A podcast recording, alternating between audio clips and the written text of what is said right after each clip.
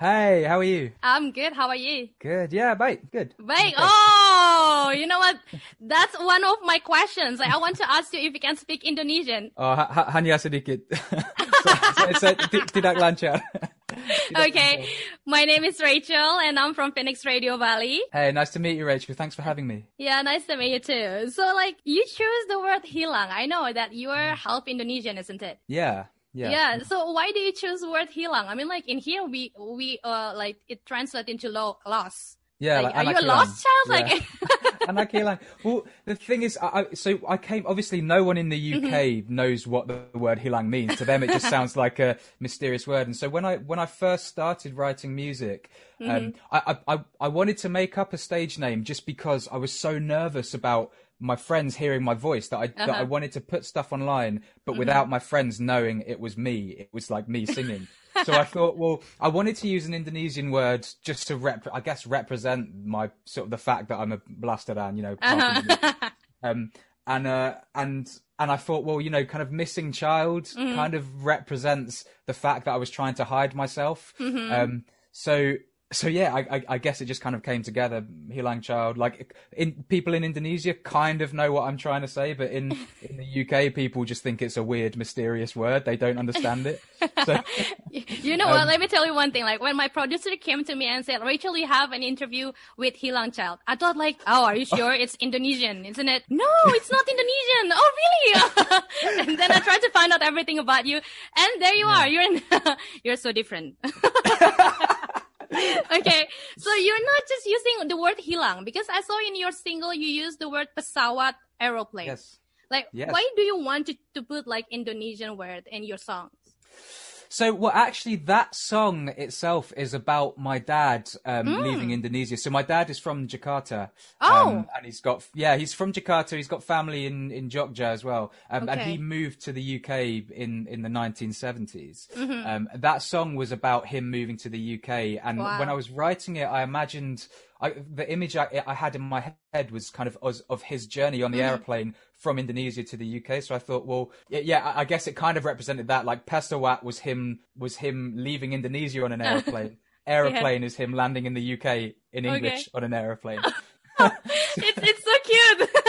okay, but you also had a gig in Indonesia before, like on on 2018, as I remember. yes, yeah. Yeah. So how is it? Like you're touring in Indonesia as a musician right now. You came back to Indonesia. Yeah, it, I mean that that tour in 2018 was amazing. It was one of my favorite things from that whole first album campaign. Um, yeah, we play, I played at um, a couple of festivals in Jakarta, and some of my family came came to the shows, which was really special because it was the first time my Indonesian family had seen me play. Um, and then also played in Bali. Uh, Oh, really? Rumah Sa- yeah, Rumah Sanur. oh Um, wow, it's well- so close. yeah, yeah, yeah. Um, organized. It was organized by uh, um, uh, a guy called Ryan from uh, Okay. Music for Brighter Day, who, who's uh, yeah, like a music publication there. Mm-hmm. But he, uh, but yeah, so so I played in Bali. Um, Wow. Hopefully again sometime soon. Yeah, of course. Then you have to visit us in here. In, Yeah, I would in, love in to. Phoenix. Okay. And let's get into your music career right now. Like what Yeah. what the things that make you into a music? I mean like I know every every children has a dream, but like why do you choose to become a musician? Um, I think well, so until I was about 13 Uh-huh. I wanted to be a football player. Oh. But then I, I That really I- Indonesian. I mean, like Indonesian, all Indonesian children really want to become a, a soccer player or football yeah. player. Yeah, yeah, soccer player. Well, well, I, I basically, I, that's, that's what I wanted to do. And then when I was about 13 or 14, Uh-huh. I went for a trial at a local club and I got rejected. Oh. Um, so, so at that point I was like, okay, maybe I can't be a football player. And at that point I'd started playing the drums. Um, and I was really into like punk rock music and stuff like that. Um, and, and I guess that was the only other thing that I really, really enjoyed doing. Um, so from that point I was, I guess yeah, it was the only thing I ever really thought of doing because um, I just never had a desire to do anything else. So um, so yeah, that's how I started, and then I, I, I was a drummer for quite a few years. I worked as a session drummer, um, and then started writing started writing music like while I was working as a drummer, um, just to kind of yeah get scratch that creative itch, I guess. Um, And Oh. it's ended up being the main thing that I do now. Wow, amazing. Yeah. And now you already have second album. Every Yeah. mover. I mean, this one is really different from the first one, years. And what what is the biggest difference that you want to put between the first one and the second one? Mm. Well, I wanted, I, I, mean, I wanted the second one to definitely sound a lot more kind of heavy and a lot more upbeat. Okay. Um, and just have a bit of a bigger sound to it. Uh, mm-hmm. Uh, but also, the one of the big things was that um, the first album was very, it was very solo. It was very much mm. me on my own, writing on my own, recording everything on my own. This time round, I wanted to make sure it was like a communal group experience. So I got. Mm-hmm I got a lot of friends in to sing with me. I got mm-hmm. a lot of other musicians in. I wrote with other musicians. Um, and it was yeah, that was kind of the big difference for this one was for me is that it's like a bigger sound, a dirtier sound, but also it's it's it's not me on my own this time. It's like a group effort with a lot of friends. Yeah, so it's different like experience, and also like yeah. I noticed like there's a lot of emotion in it, like with this the second one.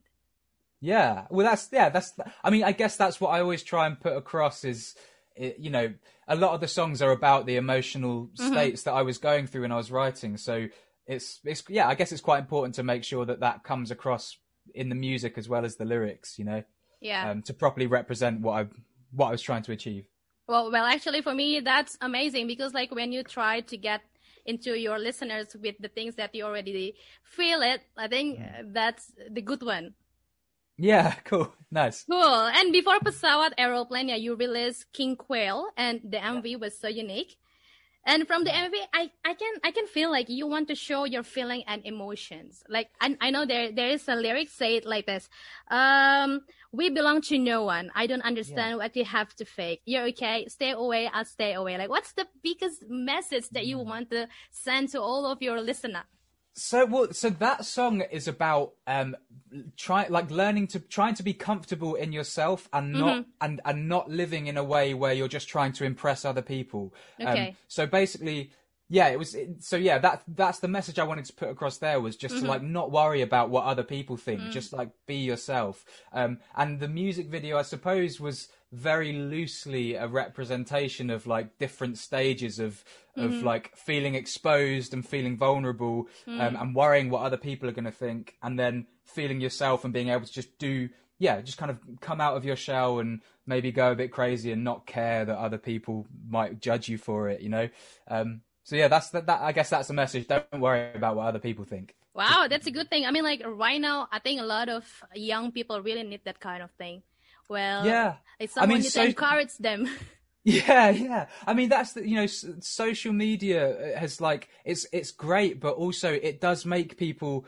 really kind of self conscious and really yeah. worry about how other people mm-hmm. perceive them. So, um, yeah, it's just I think it's just very important now more than ever to remember like to just just make sure that you're looking after your own happiness right but you know before you worry about what other people if other if someone else thinks you're cool mm. or thinks you're funny or thinks mm. you're living your best life you know Wow, that's amazing. And about pesawat aeroplane, I mean, like this this this title of your single, it's always attract me. mm. And I tried to find the MV, but I couldn't find it. Like, do you plan to oh. release it? Uh, yeah, there there is there there should be one on. There is one online. Maybe it's not available in Indonesia, but there is really? one that's been released. So I'll, I'll, I'll, have to look into that and make oh, sure it gets released. okay. I will try should, to find it again. you should be able to find it, hopefully. if not, I'll okay. send it to you. I'll send it to you. oh, okay. Thank you very yeah. much. And also, I read a lot of comments in your uh, YouTube channel. Like, there's a lot of people saying, like, "Oh my God, this guy has the the most romantic voice," and oh. they really love your your voice. Like, what do you want to say to this to these people? Um, I just I appreciate the love. I, it means a lot. It really means a lot that um you know when you spend so much time like working on your craft, it mm-hmm. just it, it, yeah for people to connect with it, it it's so yeah it's very humbling. It makes me feel mm. very grateful, and it and it reminds me why I do it. You know mm-hmm. to to just make to just yeah to to bring other people joy. Okay, so if what if our listeners really want to get to know more about you, like they really wants to listen to your song, so which one of your song that you will recommend to them to listen to, like for the first time from this for the album? First time, I would say maybe Anthropic. Um, Why? Which uh, because that song, I think that's my favorite song I've ever written. Oh. Um, and it's like, and it's just a feel good song, and you know you I want people to feel good basically, and I want people to to um yeah be able to just like let go for a few minutes and feel the way that I feel when I hear a piece of music that really makes me feel great. Mm-hmm. So, um, so yeah, I'd tell people to listen to Anthropic. That's the one. Okay. Well noted. I will try to listen to it. Yeah. So right now you already become a musician. Like, Mhm. well, who is the? I mean, the one, one maybe one name that right now come up to your mind. The one that influenced you in your music, like in this life. Um, so, may, I think that.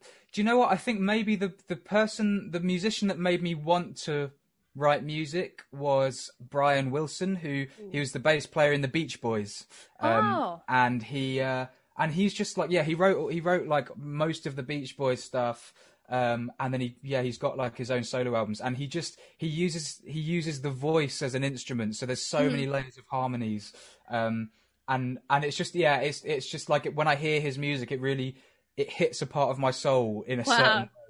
Um, and it was definitely I'd say that he he's the person. His music is what really made me want to write music. I don't think my music really sounds very much like anything hmm he's done, but for me, that was a big influence. Okay. So the last one, like if you had a chance of having Hmm. a collaboration, one name that right now pop up in your mind, who is it? Oh. Who is she or who is he? Um, I would love. Oh, do you know what? I would love to do something with um, Caroline Polachek, uh, who's uh, an American pop singer, mm-hmm. um, and she was in a band called Chairlift. Yeah, I would love to do something with her. Don't know if it would ever happen, but she's. Have cool. you tried to contact her before? No, I haven't. Maybe I should. Maybe I need to reach out. She's Okay. so cool. She's so cool. I love her. Oh, okay, then I'll wait for the next collaboration with her. yeah, yeah. Same.